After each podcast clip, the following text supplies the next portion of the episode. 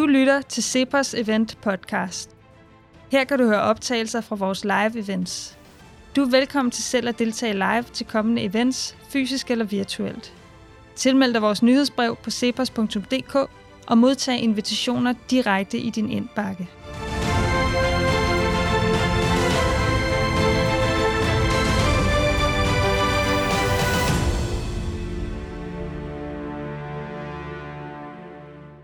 Mit navn er Martin Aarup, jeg er direktør her i Cepos. Velkommen til jer alle sammen.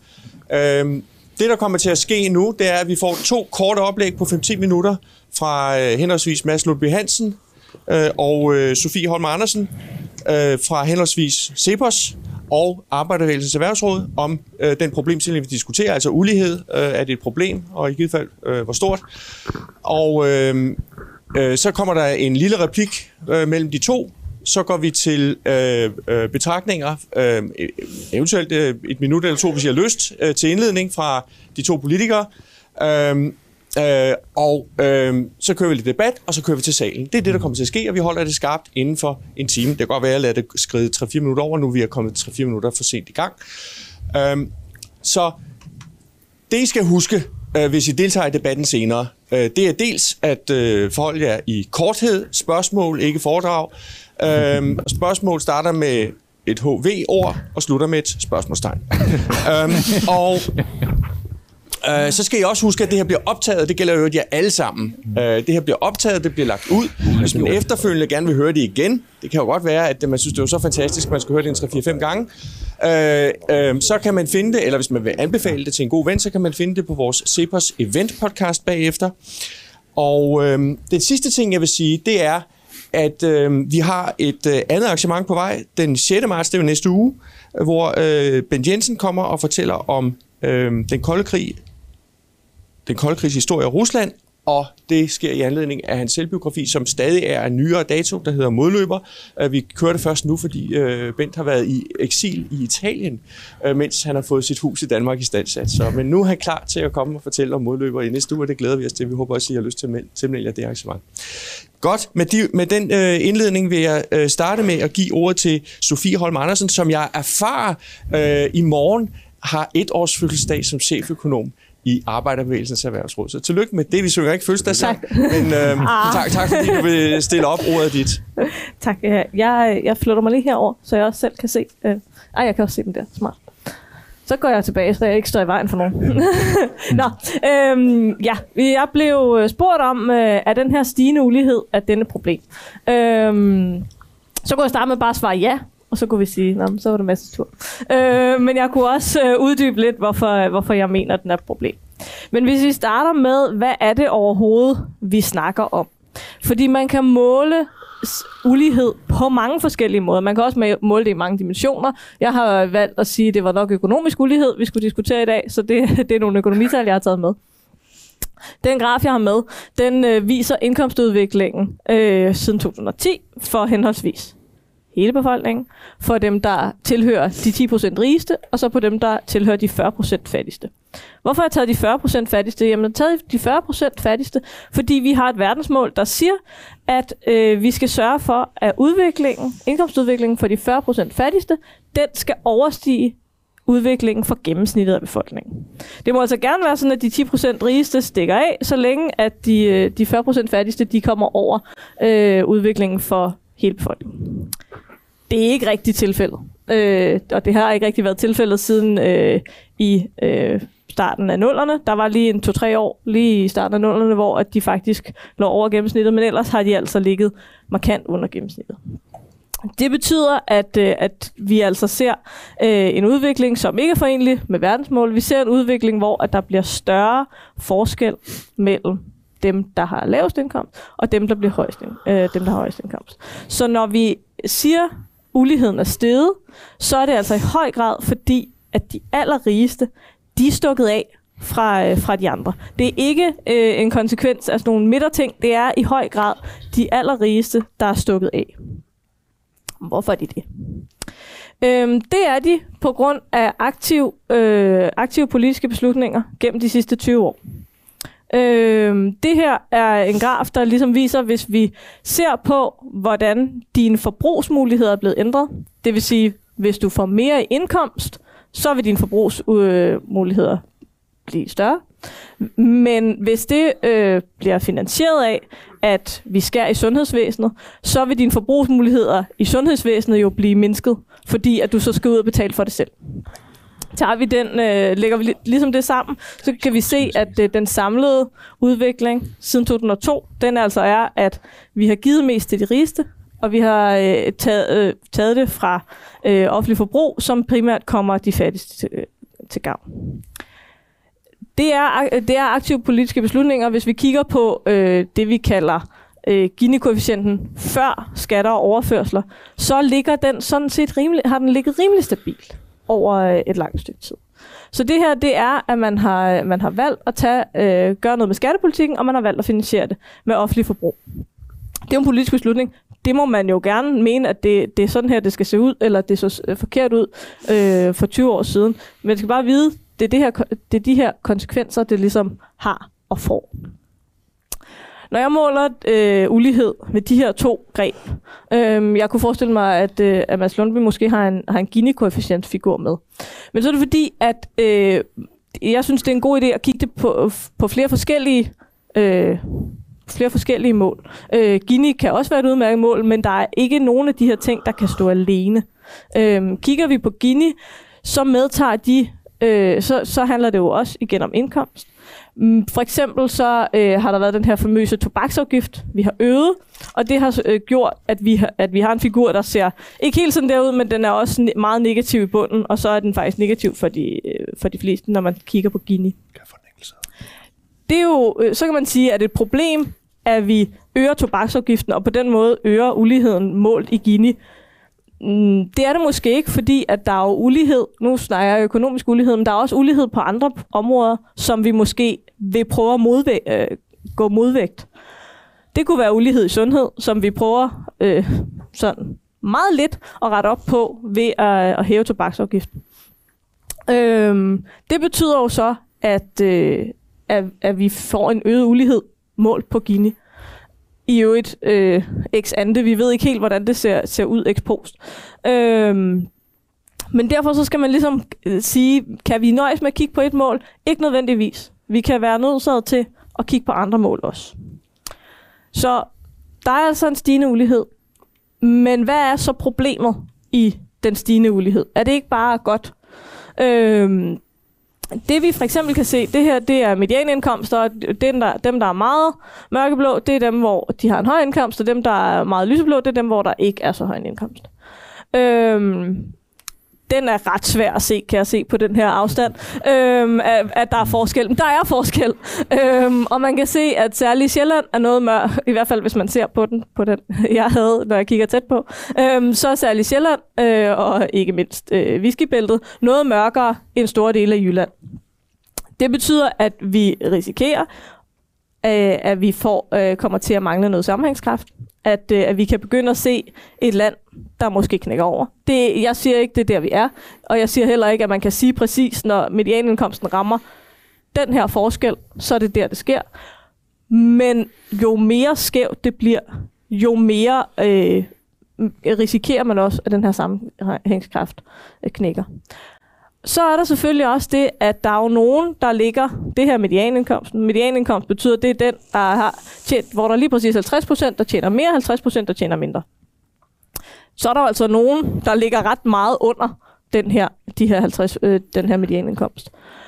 Og det betyder at de har nogle helt andre forudsætninger for at gøre noget som helst, fordi de simpelthen har færre penge. Hvis vi kigger på, vi måler det tit i fattige børn. Øh, vi har haft en positiv udvikling i fattige børn øh, siden 2017, øh, at øh, det antallet af fattige børn er faldet. Men vi har altså stadig over 50.000 fattige børn i Danmark. Hvad er så fattigdom? Jamen, fattigdom, øh, målt ved den definition, der øh, Danmarks Statistik ligesom bruger, er, at man har markant lavere øh, muligheder end alle mulige andre.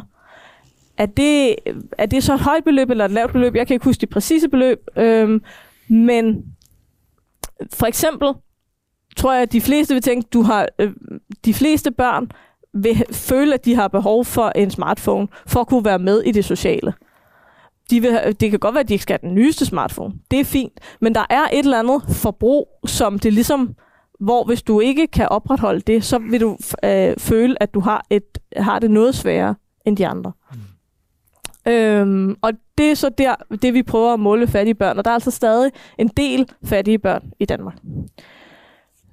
Det tror jeg var, var det, jeg havde. Men, øh, men ja, jeg synes, øh, stigende ulighed er et problem. Også selvom, at vi er blevet mere velstående land i mellemtiden. Tusind tak. Sofie Holm Andersen, cheføkonom i AE-rådet. Så er det Mads Lundby, cheføkonom i Cepos. Ja, øh, tak for ordet, og tak for et fint oplæg fra øh, Sofie. Øh, jeg kører den fremad her. Ja. Øh, jeg vil starte med at vise den her figur, øh, der viser øh, Gini-koefficienten øh, Øh, siden 1987. Gini-koefficienten er det typiske mål for ulighed, og her ser man, at den er steget med cirka 30 procent øh, under alle regeringer, øh, under Slytter, under Nyrup, under få, under Løkke, Torning, Løkke 2 og Mette Frederiksens seneste regering, og også den kommende regering kan jeg godt prædikte, at der kommer muligheden til at gå op. Øh, man ser den her stigning i uligheden, og hvad skyldes det? Øh, jamen, der er flere faktorer, der spiller ind. Der er noget demografi. Der er kommet langt flere øh, studerende. Der er over 350.000 øh, helårsmodtagere SU i dag, og det er de mest ludfattige i Danmark i et øjebliksbillede. Når der kommer flere af personer på SU, så stiger uligheden, så demografi øh, spiller ind. Øh, mikrofonen jeg tror, du skal længere ned til munden. Ja, er det bedre nu? Øh, og øh, øhm, så er der også øh, konjunkturbevægelser, øh, der påvirker øh, uligheden. Hvis der er højkonjunktur, ja, øh, så tjener selvstændige gode penge, aktiekurserne stiger med videre. Så ved en højkonjunktur, der ser man typisk, at uligheden går op. Noget af det mest effektive for at bekæmpe øh, ulighed, hvis man har fokus på det, det er en kodyle lavkonjunktur. Øh, hvis det går rigtig dårligt i økonomien, så er der en tendens til, at øh, uligheden den falder. Og så endelig en tredje faktor, der skal nævnes, det er politikerne. Øh, de har systematisk øh, øh øget uligheden. Vi har meget konkrete tal på alle reformer, der er lavet siden år 2000, og alle regeringer øh, de har øh, systematisk gennemført tiltag, både socialdemokratiske regeringer og også borgerlige regeringer, der samlet set øh, øger uligheden. Så det er billedet så er spørgsmålet, om vi har fået et dårligere samfund. Der synes jeg, man skal kigge på den her succesgraf her. Hvis vi går tilbage til starten af 90'erne, så havde vi en ledighed på knap 400.000. Hold fast, knap 400.000. Øh, det er nu faldet til 70.000. Hvorfor det? Ja, en meget, meget væsentlig forklaring af strukturreformer, og jeg vil gerne fremhæve Rose, ham der satte gang i det hele. Det var Poul Nyrup Rasmussen. Da han kom til, der reducerede han dagpengeperioden. Han halverede dagpengene for unge under 25 år. Med det, der fjernede han simpelthen det, man kaldte ungdomsarbejdsløshed, noget vi hørte om i fattig 80'erne. Det er væk. Øh, øh, få og lykke fuldt op med en reduktion af dagpengeperioden fra 4 til 2 år, og ved at lave indgreb over for supplerende øh, dagpenge og blandt andet også ved at øge beskæftigelsesfradraget øh, markant. Så vi er i en situation, øh, hvor ledigheden er gået markant ned. Jeg vil nævne og også, at siden år 2000, øh, der er beskæftigelsen øget med ca. 200.000 varet. Forestil jer 200.000 ekstra, der går på arbejde hver dag, frem for ikke at gøre det. Og det er sket øh, gennem reformer af efterløn, folkepension, dagpenge, kontanthjælp, øh, skat øh, øh, med videre. Øh, øh, de har generelt øh, øget uligheden, øh, de her reformer. Øh, men vi står i en situation, hvor øh, vores beskæftigelse er rekordhøj. Men nævne i dag, at der kommet beskæftigelsestal fra nationalregnskabet, der viser en stigning i indeværende år på 100.000. Øh, men vi er kommet i en situation, hvor vi har en meget, meget høj øh, beskæftigelse. Det er i høj grad borget af de her strukturelle reformer. Det har også medført, at vi i dag er et af verdens rigeste samfund. Øh, vi er det 6. rigeste land ud af 38 øh, OECD-lande. Så min samlede konklusion, det er sådan set, at øh, jeg ser ikke den her stigning i uligheden på 30 procent øh, som noget problem. Ikke fordi ulighed er et mål i sig selv overhovedet ikke. Det er en bieffekt af gode reformer, der gør Danmark rigere, og det, øh, det er min konklusion på det. Øh, jeg vil jo nævne, vi har tegnet, her har vi tegnet alle reformer og finanslovsaftaler op øh, siden 2004. Hvordan er effekten på beskæftigelsen, og hvordan er effekten på uligheden? Og der ser man det en meget, meget klar trade-off, at hvis politikere de øh, vil øge beskæftigelsen via strukturelle reformer, så er øh, bieffekten typisk, øh, meget, meget typisk, at øh, uligheden øh, går øh, lidt op. I alt det her skal vi huske, at bagtæppet er, at vi er det syvende mest lige land i OECD, mere lige end øh, Sverige. Ja, den vil jeg komme tilbage til. Øh, jeg vil egentlig slutte af med at, øh, øh, at sætte lidt fokus på Mette Frederiksen, som jeg synes har været inde i en god og spændende udvikling, hvad angår ulighed og, og fattigdom.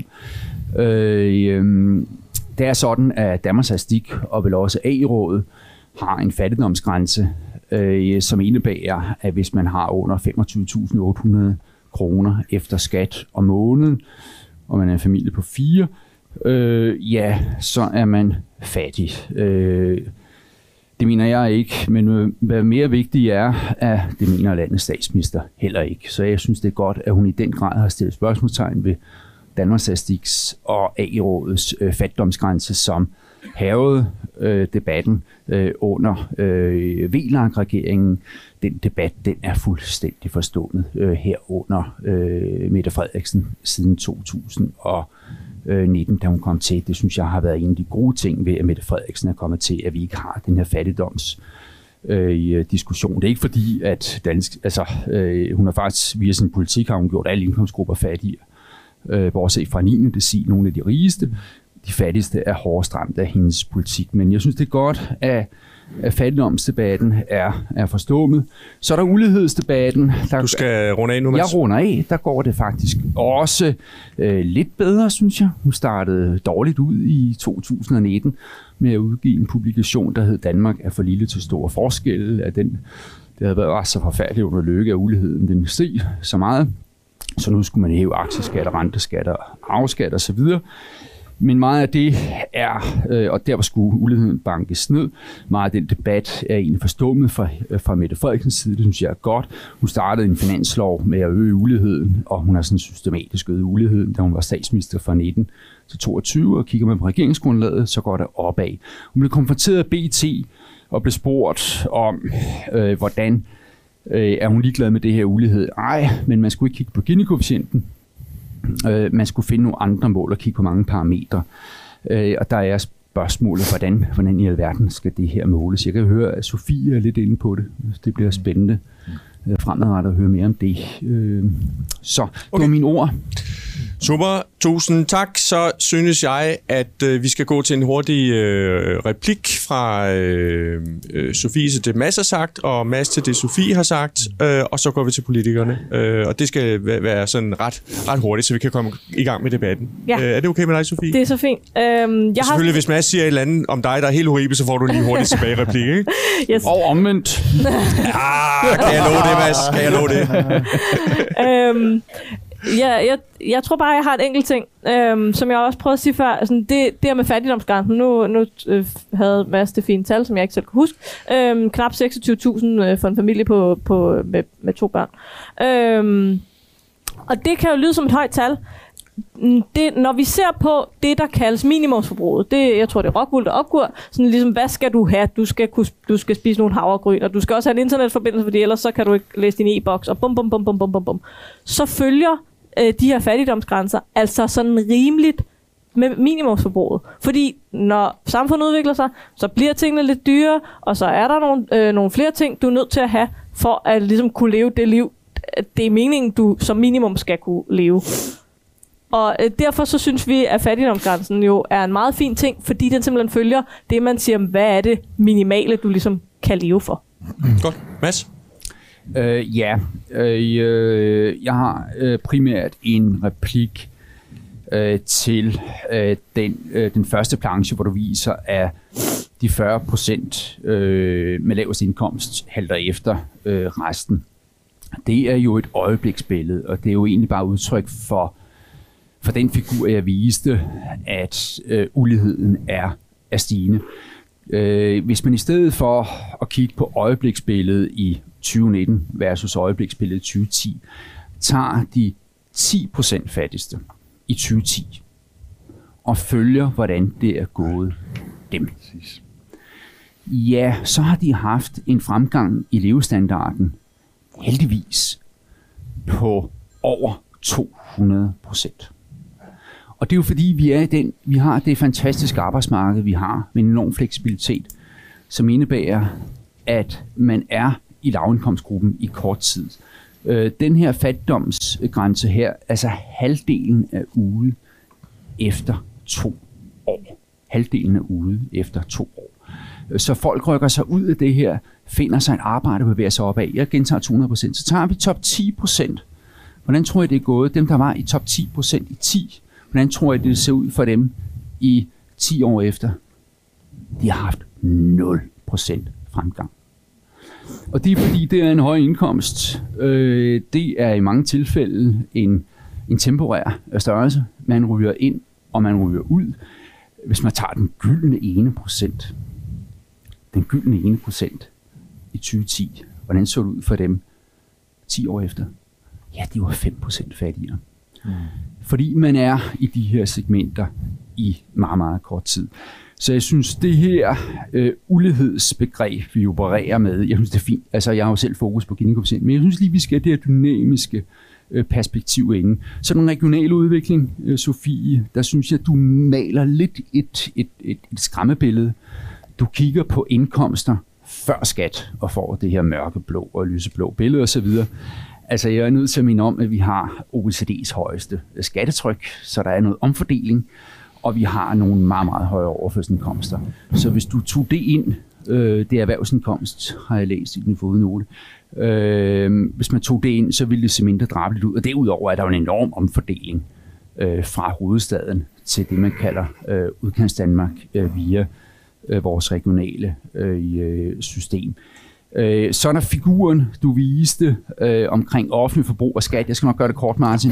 Ellers har jeg øh, samme pointe, kan jeg sige. Du tager alle mine pointer, så jeg skal nok uddybe den, hvis det er. Ja. Øh, men øh, det ser jeg ikke som noget problem. Altså, øh, at man, jeg ved ikke, hvordan du måler, hvordan man skærer ned på det offentlige forbrug. Vi har næst fleste offentlige ansatte i øh, OECD per indbygger.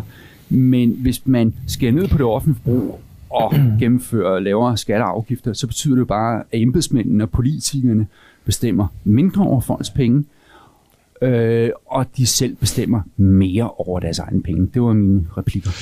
Sofie, det skal du lige have lov til at svare på. Og så går vi til politikerne. Bare roligt. jeg, jeg kan sagtens forstå, at, øh, at man gerne selv vil bestemme over sine egne penge. Det er jo bare sådan, at det offentlige forbrug øh, har en særdeles omfordelende effekt. At dem, der bruger øh, det offentlige forbrug mest, mm. øh, det er altså dem, der ligger øh, og er de fattigste. Så derfor så øh, giver det øh, os, der ikke ligger dernede, mere øh, rådrum over egen penge, hvor at dem, der ligger nederst i indkomstfordelingen, de får sådan set bare øh, færre forbrugsmidler. Mm. Hva, øh, har du noget at sige til det dynamiske perspektiv? Det er jeg lidt nysgerrig på. Det, det er, der er jo klart et, øh, et dynamisk øh, perspektiv. Nu sagde Mads, at halvdelen øh, var ude øh, fra fattigdom øh, efter to år. Det betyder altså også, at halvdelen de hænger fast. De flytter sig ikke ud af stedet. Og et er, hvad, hvad det gør ved folk, og øh, særligt ved børn, at, øh, at ligge under den her fattigdomsgrænse i et år. Men hvis man først hænger fast dernede, der, vi har tidligere haft en fattigdomsgrænse, der hed tre år, så øh, sætter det altså store spor også senere i livet. Mm. Hvad, hvad siger du til det her med, at hvis man følger konkrete personer mm. over tid, jamen så er dem med de laveste indkomster dem, der har den største indkomstfremgang. Er det ikke det, der først og fremmest betyder noget? Altså hvis nu man laver en regel om, at øh, den indkomst, man har i sit første job, skal følge medianindkomsten, så kan det jo blive sværere for nogen overhovedet at komme ind på arbejdsmarkedet. Det, øh, det er helt rigtigt, og, øh, og det er jo godt, at vi har den her store mobilitet ud. Altså, at uh, vi, det har vi jo særligt set under det her opsving, at vi har flyttet enormt mange ind mm. på arbejdsmarkedet, og dermed, uh, dermed uh, i hvert fald længere op i, i indkomstfordelingen. Det, det er selvfølgelig ikke et problem, at vi, fly, at vi giver folk flere muligheder. Men der er stadig øh, konsekvenser ved at ligge dernede, også selvom at det er, er i kort tid. Og nej, vi kan nok ikke fikse det hele, men, men der er konsekvenser ved at ligge dernede, og det synes jeg også, vi skal fokus på. Mm. Tusind tak. Så går vi til øh, politikerne.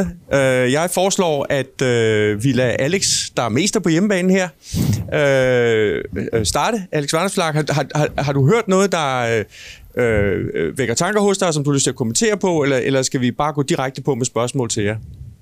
Nej, men jeg vil gerne kommentere kort, selvom det er lidt svært, når man sidder ved siden af sådan en god mand som, øh, som Mads, fordi jeg har skrevet tre pointer ned, og Mads var egentlig inde på dem alle tre. øh, men, men det skal du jo have ros for, Mads.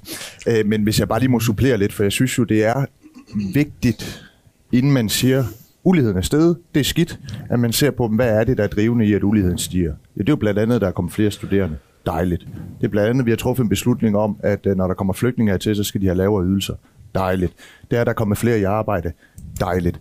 Der er eksempler på, at uligheden kan stige som følge af noget, der er dårligt, eksempelvis i sidste valgperioden, hvor uligheden steg på grund af skattestigninger. Det synes jeg var uhensigtsmæssigt. Men, men man bliver nødt til at se på årsagerne bag, og i de fleste tilfælde er det jo øh, gode årsager. Jeg vil også have fremhævet den gode analyse med mobiliteten, fordi jeg tror, jeg vil have det sådan, at hvis det var, hvis folk altid sig fast, enten i toppen eller i bunden af samfundet, så vil en stigende ulighed øh, muligvis være problematisk. Men det er jo bare ikke tilfældet det er jo dem, der er i toppen af samfundet, der er nærmest sværest ved at blive i den gruppe, øh, de, de, øh, de er i. Og så synes jeg, det var en interessant slide, du havde med, Sofie, med, hvor man regnede på, øh, hvor man regnede det offentlige forbrug med, som noget, der næsten var sådan indkomstforringende for, for, for de lavere indkomstgrupper. Og det stod lidt uklart for mig, om hvordan det var regnet, fordi det offentlige forbrug er jo steget stort set alle årene, de sidste 20 år, undtagen Torning et par år.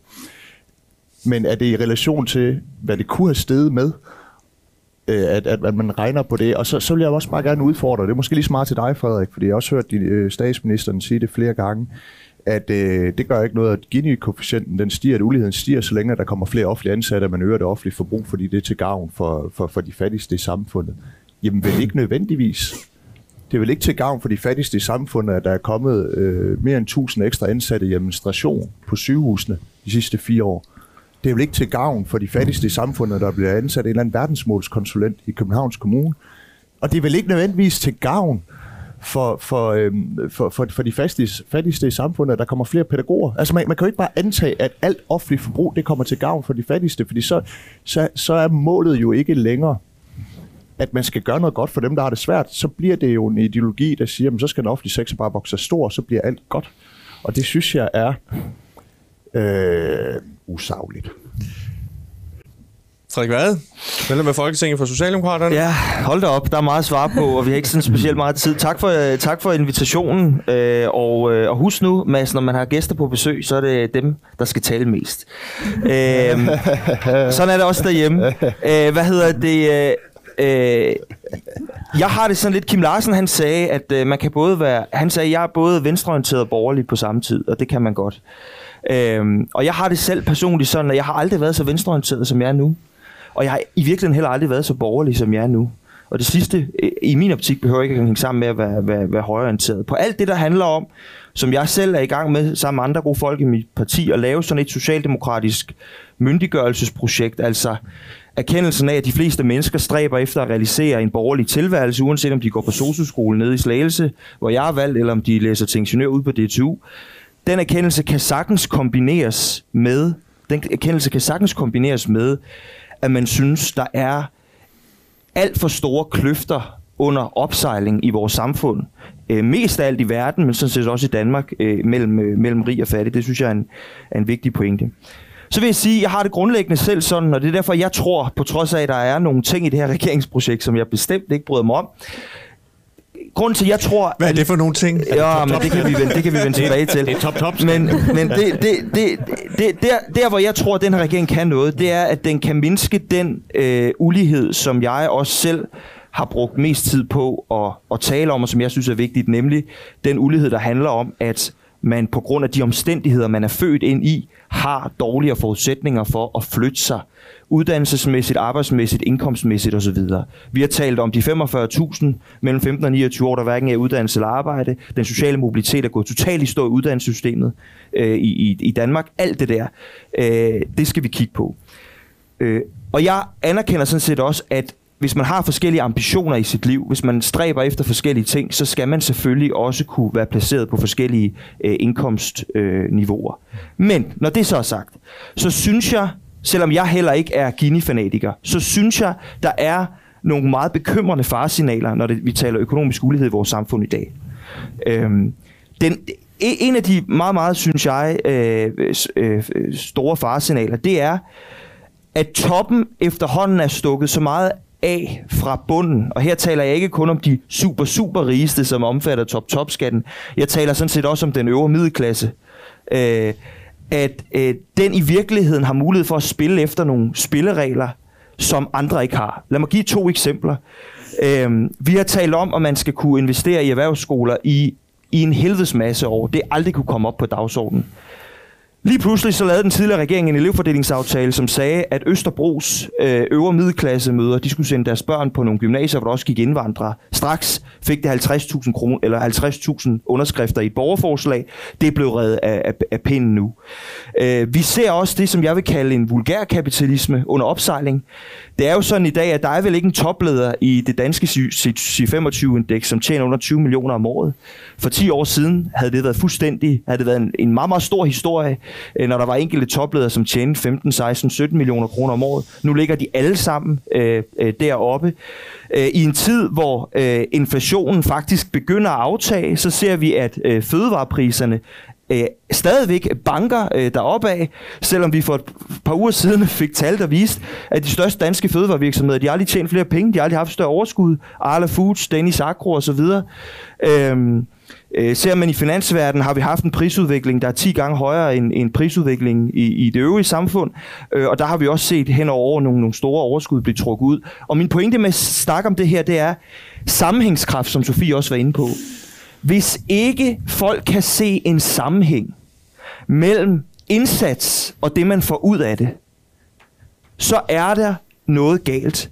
Og vi lever desværre i et samfund, hvor den der kontrakt, synes jeg, med, at hvis man arbejder meget, hvis man lægger en indsats, så er der også et samfund, der, der øh, belønner det, som sørger for, at man kan skubbe sig selv frem på, velstand, på velstandsstigen. Den kontrakt er under afvikling, fordi øh, kapitalgevinsterne overstiger langt øh, indkomstgevinsterne. Øh, øh, mere og mere udbetales gennem kapital i stedet for indkomst. Og vi kan se, at arv, at man har været heldig på boligmarkedet osv., blodsbånd, øh, tilfældigheder gør, at man kan trække nogle kæmpe store gevinster. Og det er jeg mere nervøs over, end jeg er nervøs over, at Gini-koefficienten stiger en lille smule, fordi at der er nogle mennesker i den fattige del af befolkningen, der kommer i arbejde. Og det er vulgærkapitalismen. Per Stig Møller han talte en gang om det, at erhvervslivet var nødt til at regulere sig selv, for ellers så kom politikerne og gjorde det. Det har vi ikke set endnu. Det bliver vi nødt til at se. Alex, vil du svare på det? Jamen, jeg, jeg synes jo altid, det er interessant at, at debattere med Frederik, fordi at uh, udover du uh, passioneret og øh, god til at fremføre dine argumenter, så, øh, så er du jo en interessant socialdemokrat, der, der ofte har øh, gode anderledes perspektiver på tingene. Om det mener jeg helt oprigtigt. Øh, lad mig bare starte med at sige, jeg tror ikke, det er i det her lokale gør argument, at Per Stig Møller har sagt noget. øh, men, men, lad, men lad det ligge. Jeg, jeg tror sådan helt over, der synes jeg, at, at udfordringen er, hos Centrum Venstre, det er, at man har stiget sig blind på pengene i forhold til de problemer, og også sociale problemer, vi har i det her land. Eksempelvis i diskussionen om fattigdom. Øh, jeg prøvede selv at starte en diskussion for nogle år siden om, om den type fattigdom, der findes i Danmark, men den handler jo ikke om penge. Altså, uanset om man giver 3-4.000 kroner ekstra i kontanthjælp eller ej, så giver det jo ikke et kraftigt løft i livskvaliteten hos de mennesker, hvis primære problem, hvis egentlig fattigdom er, at de sidder fast i livet. At de har mistet troen på dem selv. At det er blevet til en, øh, en vej til forsørgelse, at man gør sig selv til et offer. Altså, det, det, er jo, det er jo den type fattigdom, der er den reelle fattigdom i det her land. Det er jo den fattigdom, hvor man mister troen på sig selv, og den rammer alt for mange. Og det skyldes selvfølgelig ikke kun, at vi har en, øh, et gavmildt øh, velfærdssystem. Jeg synes også, at nogle gange de blå partier stiger sig blind på pengene, for de siger bare, at hvis vi bare sænker ydelserne, så kommer folk i arbejde. Mm. Nej, fordi de har ikke ressourcerne til det, de har ikke troen på det, det, det, det, det, er nogle mere menneskelige problemer, de har. Og, og lidt i forlængelse af det, du er inde på der med, med, med, med, med mobiliteten, at det, det, det, det bliver sværere for unge mennesker, der kommer fra, fra hjem med færre ressourcer, at rykke sig op i, i, i, i, i samfundet. Og, og det er i hvert fald en udvikling, der er gået i stå de sidste mange år. Men det er jo ikke sådan, at udviklingen af velfærdsstaten er gået i stå, eller de offentlige udgifter er faldet. Og jeg tror bare, det er vigtigt at have det perspektiv med, der hedder, måske har vi nået det, vi kunne nå i forhold til den sociale mobilitet gennem offentlige indsatser. Måske er det, der mangler at blive sagt, det er, at dem, der rykker sig fra de øh, lavere lag til de højere lag, udover at der er nogle gode muligheder, der bliver stillet til rådighed af, af velfærdssamfundet, ja, så skyldes det måske deres egen indsats. Og, og, og, og et myndiggørelsesprojekt kan jo ikke komme gennem offentlige instanser. Og jeg ved, du er meget optaget af det der myndiggørelsesprojekt, og der tror jeg også bare, det er vigtigt, at man i tale sætter, at det ikke bare handler om, så skal forældrene have flere penge. Mm. Det handler også om, hvad man selv gør, og hvad civilsamfundet selvfølgelig gør, om der er nogle fællesskaber, man kan komme ind og spille en rolle i. Og, og så synes jeg, du siger noget, også nogle interessante ting med, med, med samfundskontrakt og sammenhængskraft med, at hvis man oplever, at man arbejder hårdt, så, så, så bliver man ikke tilstrækkeligt belønnet for det. Mm. Og at det bedre kan betale sig øh, og, og investere i, øh, i, øh, i, i kapital. Jeg tror, man skal passe på med at dyrke et modsætningsforhold. Altså, når jeg køber aktier i en virksomhed, så kommer det også medarbejderne til gavn. Men, men lad, lad det ligge. Men hvis man ønsker en større belønning, så er vejen frem jo muligvis skattelettelser, så man oplever en større belønning, og at man i det hele taget gør det nemmere og mere attraktivt også for helt almindelige arbejder, at de får et afkast af deres opsparing ved, at de investerer mere. Altså, det, det, det, vi gør jo ikke samfundet bedre, hvis vi bare fokuserer på at begrænse de muligheder, som nogen benytter sig af, mm. i stedet for at få flere med på at, at få gavn af de muligheder, øh, der er. Frederik, du øh, startede dit, ja. øh, dit oplæg med at tale om øh, dem med de laveste indkomster. Ja. Øh, og øh, du sluttede det, du bevægede dig ret hurtigt over i at, at tale om, hvor meget topchefer får i løn mm. og så videre. Ja. Er, mener du, der er en sammenhæng mellem de to ting? Altså skader det på en eller anden måde dem, der tjener mindst og øh, har de sociale problemer og så videre, at øh, Carlsbergs øh, topchef tjener over 20 millioner? På sigt gør det, tror jeg, fordi det øh, øh, er med til at, hvad skal man sige, øh, mindske, sådan oplever jeg det i hvert fald selv, når jeg ser ud over samfundsudviklingen, det er med til at mindske opbakningen til, at dem, der har det sværest, også skal hjælpes af fællesskabet, og også skal hjælpes over skattebilletten. Fordi de, de virkeligheder, vi lever i, de bliver så forskellige, at der faktisk ikke, at der bliver en mindre og mindre lyst til at stemple ind i de samfundsudfordringer, der er. Og må jeg bare uddybe det eksempel, jeg kom med omkring gymnasiernes elevfordeling. Som, det lyder som noget helt andet, men jeg synes, det passer vanvittigt godt ind her. Jeg har mødt ufattelig mange, altså prøv at høre, der har aldrig været frit gymnasievalg, alt det der. Det har der jo aldrig været. Prøv at tage ud i Slagelse, hvor jeg er valgt, og spørge, om der er frit gymnasievalg derude. Øhm, det, der er interessant, det er, at mange af dem, jeg har talt med, også forældre, i sådan det mere velstillede segment, som gerne vil slå ring om deres øh, kridhvide og meget velstillede gymnasier. Noget af det, de siger er jo, nu har jeg betalt så meget i skat, og jeg bidrager så meget til det her samfund. Så skal mine børn også have lov til at gå her. Og det de så ikke siger, det er underforstået slip for problembørn, slip for øh, øh, nogle af de sociale udfordringer, etniske udfordringer, som andre gymnasier må slås med. Jeg må ligesom have min, mit område ind.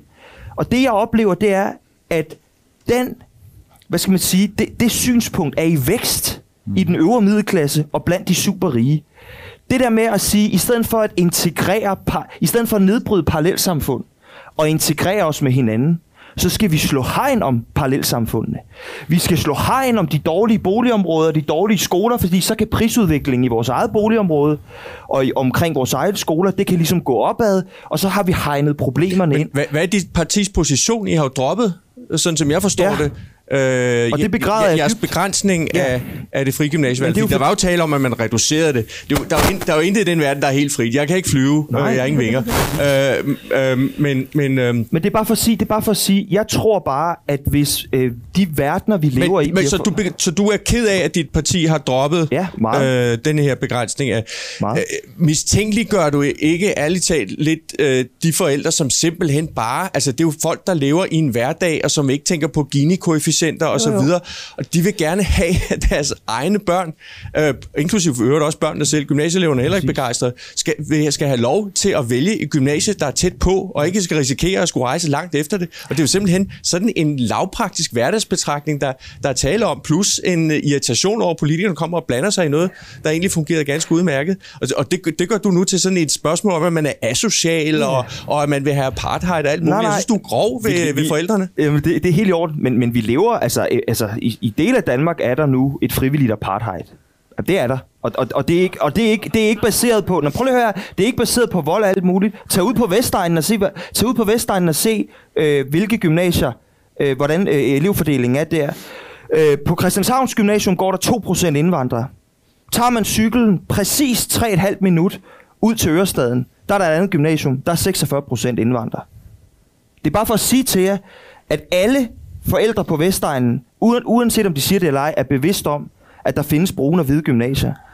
Men bare lige for at, at, at uddybe min pointe, jamen det er fuldstændig, sådan er virkeligheden, bare lige for at uddybe min pointe omkring det.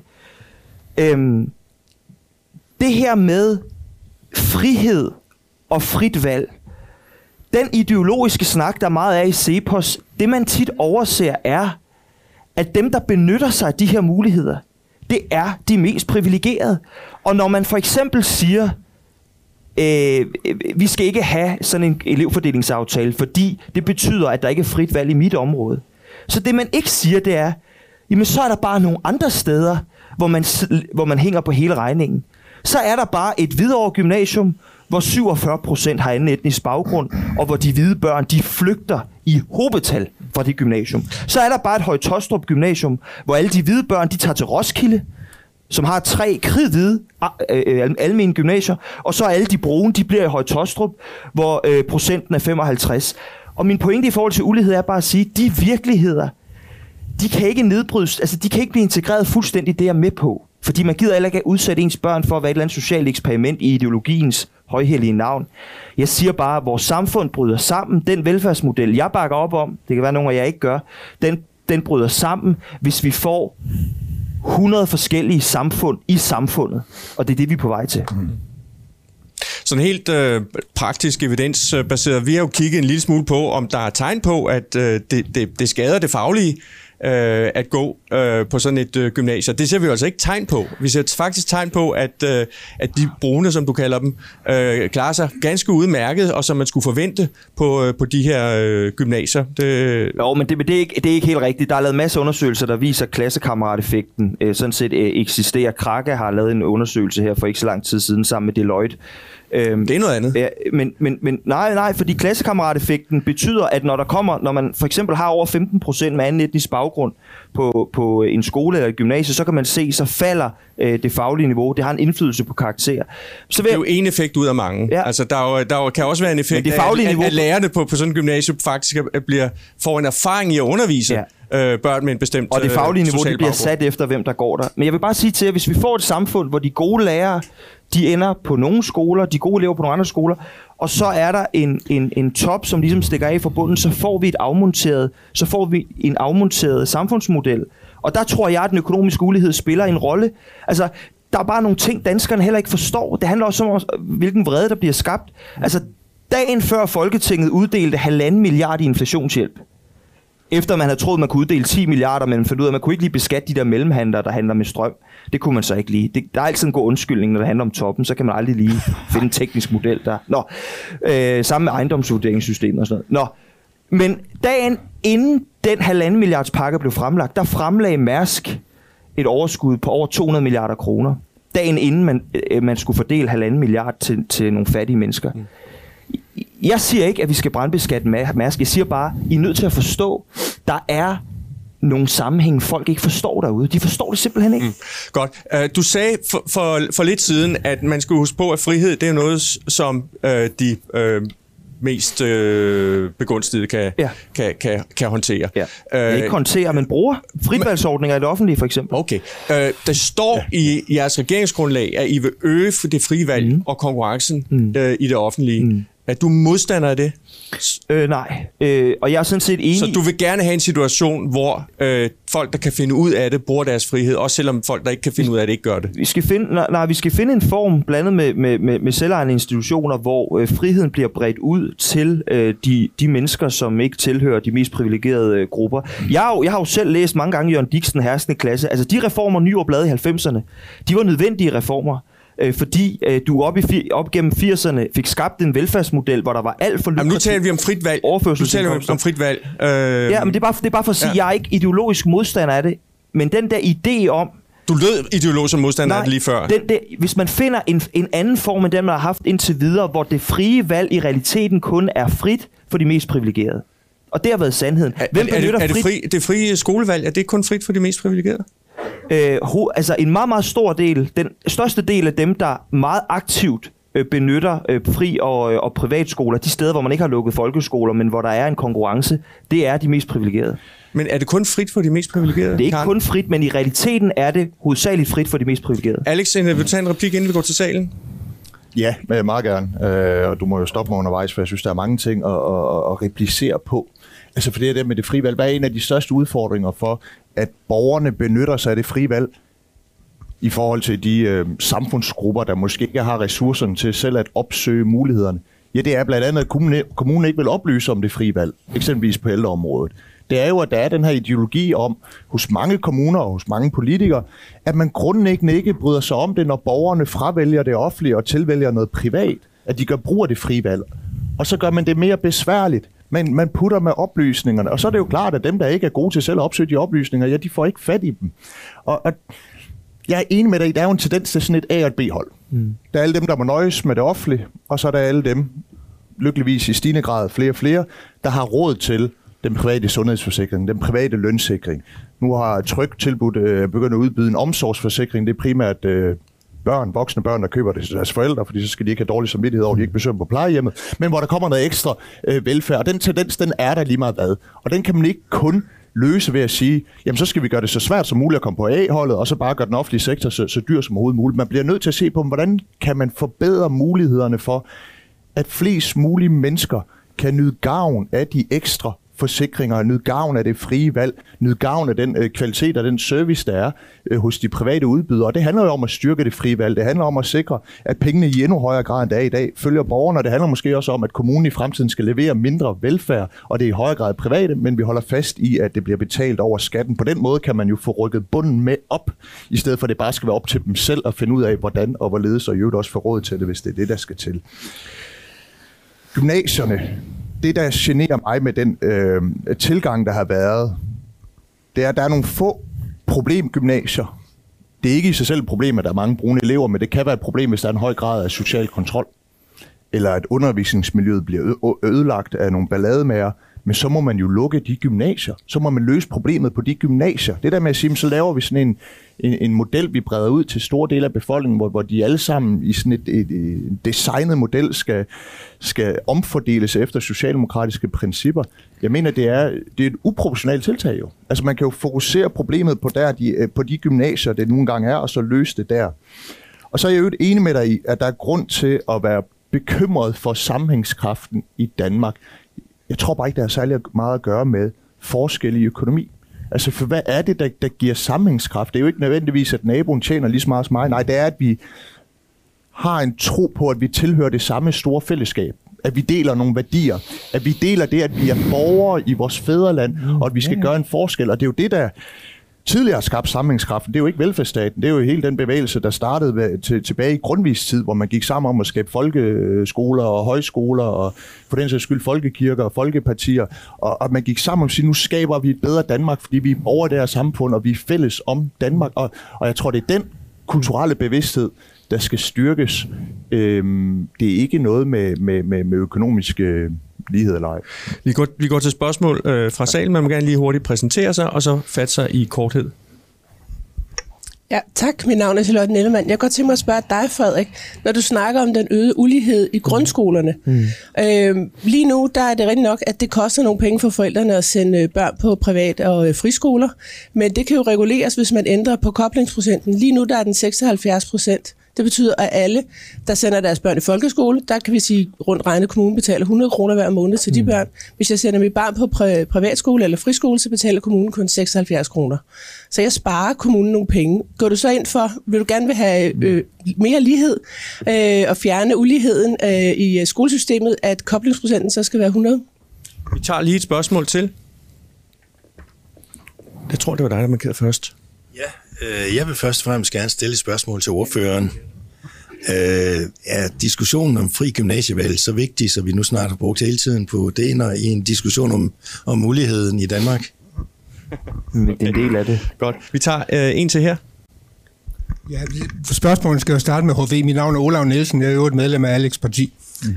Hvorfor i alverden bliver Venstrefløjen ved med at arbejde med Gini-koefficient, når det er meget klart dokumenteret, at det forholder sig diametralt modsat af det, I siger. Og jeg kan sagtens fortælle jer det, men det vil bare tage et halvt minut, det ved jeg ikke, om vi har tid til. Har vi det? Jeg har en fornemmelse af, at det ikke er et halvt minut, så vi må hellere lade den være det her. Men, men, nej, okay. Okay, ja, i år 2000 under nyår var Danmark af helvede til. Vi lå nummer 14 på UNDP HDI, 8 pladser under USA, 6 pladser under vores indtægt. I dag ligger vi i toppen. Vi har aldrig ligget så højt, og vores Gini er steget til 0,30. Vi ligger på 6. pladsen. Flot klaret af lille Danmark. Og alle gode lande har altid ligget med en Gini på mellem 0,30 og 0,35. Ikke de 0,22-24, som venstrefløjen gerne vil have. Det er af helvede til at ligge dernede. Super, Hmm, tusind tak. Så alt andet går godt. Uh, hvorfor skal vi så bekymre os om, om Gini? Det kan man koge ned til et godt spørgsmål.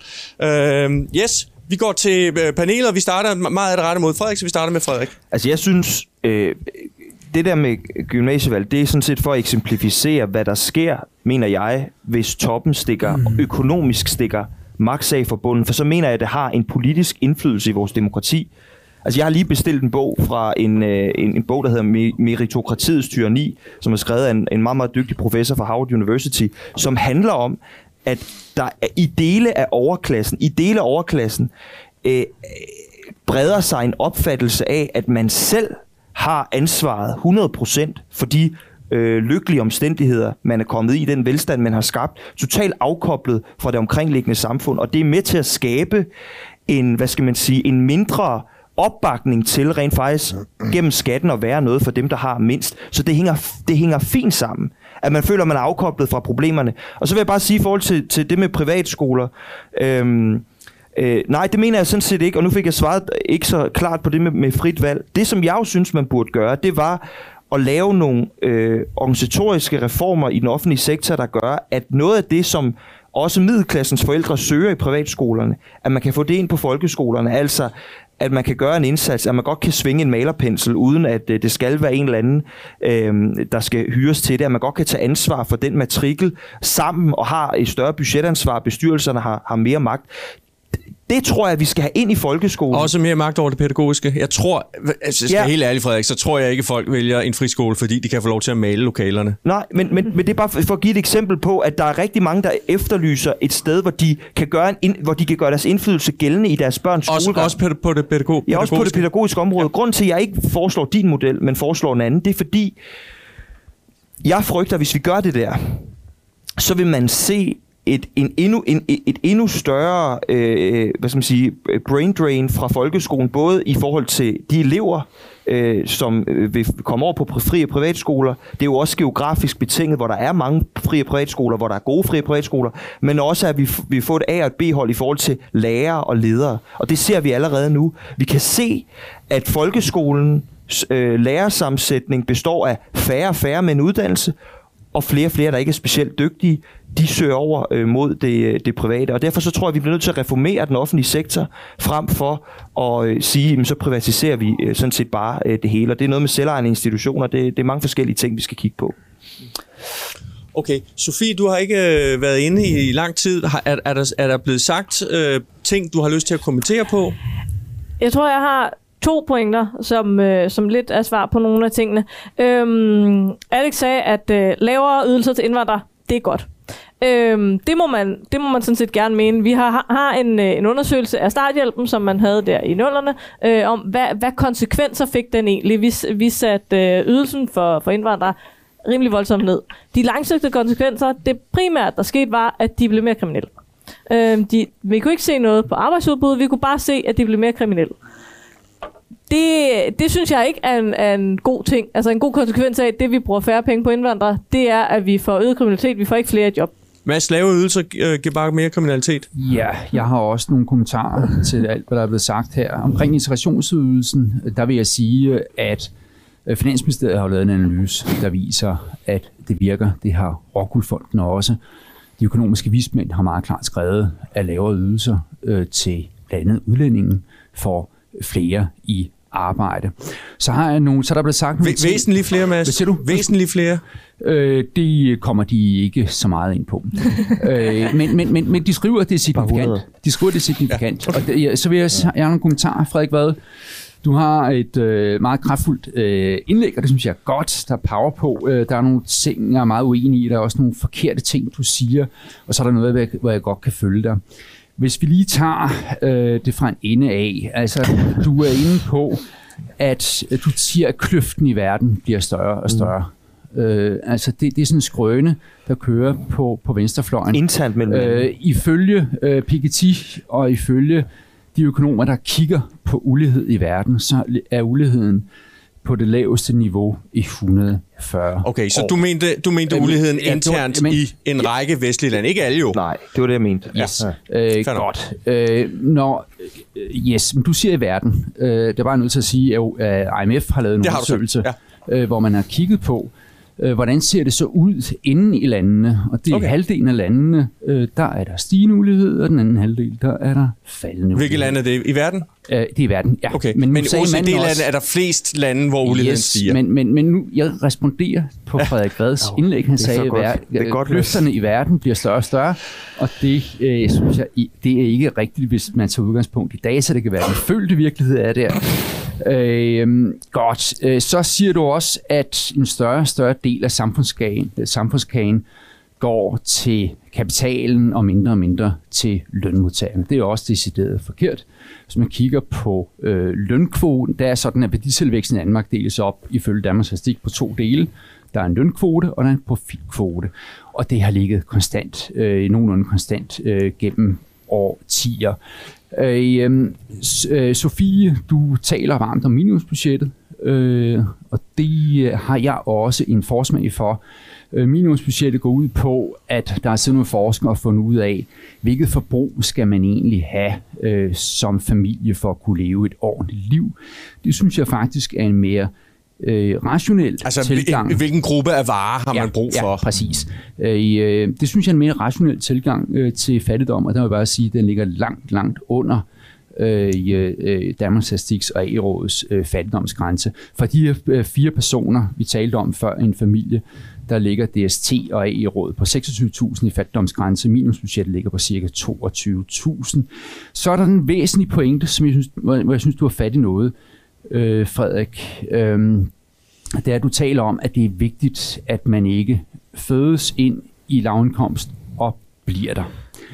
Øh, Jeg synes, det er en enorm succes, når øh, børn i en lavindkomstfamilie bevæger sig opad. Vi har lavet en analyse, øh, der viser, øh, hvor vi kigger på børn i lavindkomstfamilier. Øh, og det er rigtigt, der er en enorm øh, stor øh, social arv, øh, hvis man kigger på det umiddelbart. Så har vi gjort det, vi har delt den, her- de her lavindkomstfamilier op i to slags familier.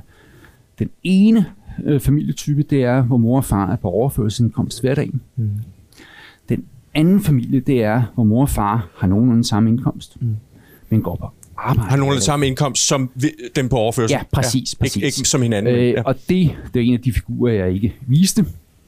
Øh, og øh, det viser sig, at hvis man, hvis man lever i en lavindkomstfamilie, øh, øh, hvor mor og far går på arbejde hver dag, ja, så reduceres den sociale arv meget, meget markant. Og hvad er det, det fortæller? Det fortæller, at rollemodeller, hvad mor og far gør i dagligdagen, betyder rigtig, rigtig meget, og måske også mere end indkomst. Når man ser, at mor og far går på arbejde hver dag, så er der noget, der tyder på, at det spejler sig i tilværelsen fremadrettet. Hvad er implikationen af det, jeg siger? Jamen det er, at den her integrationsydelse, øh, som Sofie og Frederik Vad kritiserer, øh, og øh, det at, at trimme overførselen, så der er et godt incitament til at arbejde, det er faktisk noget, der kan gavne børnene, fordi de kan få en mor og far, der går på arbejde hver dag, frem for at være på Vi skal nok komme til dig, Frederik, men øh, Sofie, du skal lige have lov til at replicere på minimumsbudget versus fattigdomsgrænse. Minimumsbudgettet ligger lavere end fattigdomsgrænsen. Jeg, jeg kan ikke minimumsbudgettet lige nu, men det, mit indtryk er, at over tid, så ligger de sådan nogenlunde oven i hinanden. Det kan godt være, at, vi, at man lige her de seneste år, hvor vi også har haft højkonjunktur, og derfor har haft højere indkomster, at, øh, at de så fattigdomsgrænsen så er stukket lidt af. Det vil jeg ikke afvise. Det er forholdsvis, så vidt jeg... Det var 22 og 26.000. Ja, det er 4.000 til forskel. Hvor mange, Mads, hvor mange øh, trækker det ud af fattigdom, hvis man bruger minimumsbudget i stedet for fattigdomsgrænse? Oh, kan du det? det? tal har jeg ikke i hovedet, Martin. Okay. Det, det er første gang, jeg har taget en masse ikke i tal i hovedet. Det var utroligt. øhm, Det er bekymrende. ja.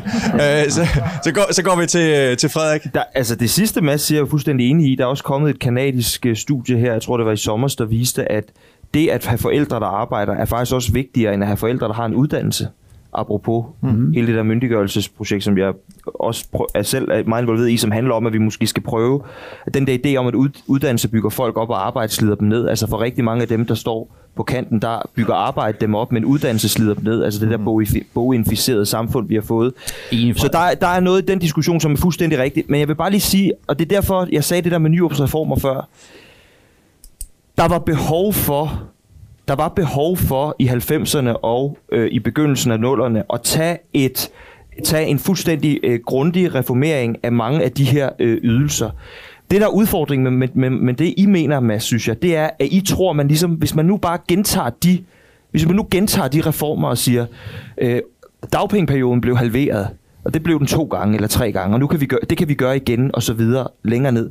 Der kommer også bare en grænse, hvor man kan sige, i min optik, der er ikke mere at hente, uden at de sociale konsekvenser bliver for store. Fordi sandheden er også, og det skal I altså også huske her, øh, selv for dem, som kun i gåsøjen har 1000 eller 2000 kroner ud af at gå på arbejde, der kan vi jo se, at det er 8 ud af 10 eller 9 ud af 10, der så faktisk arbejder. Altså, der er nogle andre, der er nogle andre mekanismer end de rent økonomiske incitamenter, der gør, at folk rejser sig op hver dag og går på arbejde. Hvis det var sådan, at økonomi var den eneste faktor, så burde langt flere jo blive hjemme på sofaen. Men vi kan jo se, at mennesker også i lavtlønsjob, i supermarkederne, i rengøringsbranchen, i hotel- og restaurationsbranchen, på sindssygt lave lønninger, alligevel står op og går på arbejde. Og, og det tror jeg bare er en vigtig erkendelse, fordi det der med at tro, at man så bare, hvis man nu gentager 90'ernes reformspor i det uendelige, så ender vi jo bare med et samfund, hvor dem, der har allermindst, de så også har rigtig, rigtig lidt. Og det synes jeg også bare Der, der, er, en, der er en grænse, den laver du en Præcis. frugt, der er blevet øh, plukket. Øh, Mads, du får lov til at få en super kort replik. Jeg, jeg skal prøve, Ja. og jeg, jeg, min ambition er at få rundet det her inden for de næste 2-3 minutter, så Yes. det skal Jeg skal nok holde kæft nu. Det skal vi have dig, Frederik. Du, du, er, tak fordi du kom her, og tak for en rigtig god øh, debat. Øh, Mads, øh, Selvfølgelig super kort. er der øh, flere ting, der spiller ind, når man tager et arbejde. Mm. Øh, men økonomi betyder også noget. Øh, og jeg vil nævne, at jeres eget finansminister, ikke mit, men jeres, har skitseret reformer, der kan øge beskæftigelsen med 130.000. Så vil jeg sige omkring det her med sammenhæng mellem det, man gør og det, man får. I har hævet dagpengene til 23.000 kroner om måneden de tre første måneder. Der er rigtig mange i Danmark, der går på arbejde hver dag, der tjener mindre end det. Det er faktisk ikke at vise respekt for lavt lønnede jobs i Danmark. Skal, skal Alex, du, det er længe siden, du har været på. Det Har, har, du en hurtig, har, du, har du en hurtig replik, inden vi, øh, vi, vi runder af? Hvis der kommer et Nej, jeg synes, der frontalangreb bliver på sagt Frederik, så får han det sidste ord. ting. Jeg synes også lige, vi også skal huske at sige tak til Frederik og Sofie for at lukke sig ind, eller komme ind her i løvens hule. Det har jeg altid stor respekt, men det har jeg stor respekt for, at, øh, det, det, det er kanon. Jeg synes, det har været en øh, interessant debat. Jamen, skal vi så ikke give oplægsholderne, især Frederik og Sofie, en, øh, en, en varm hånd? Tak.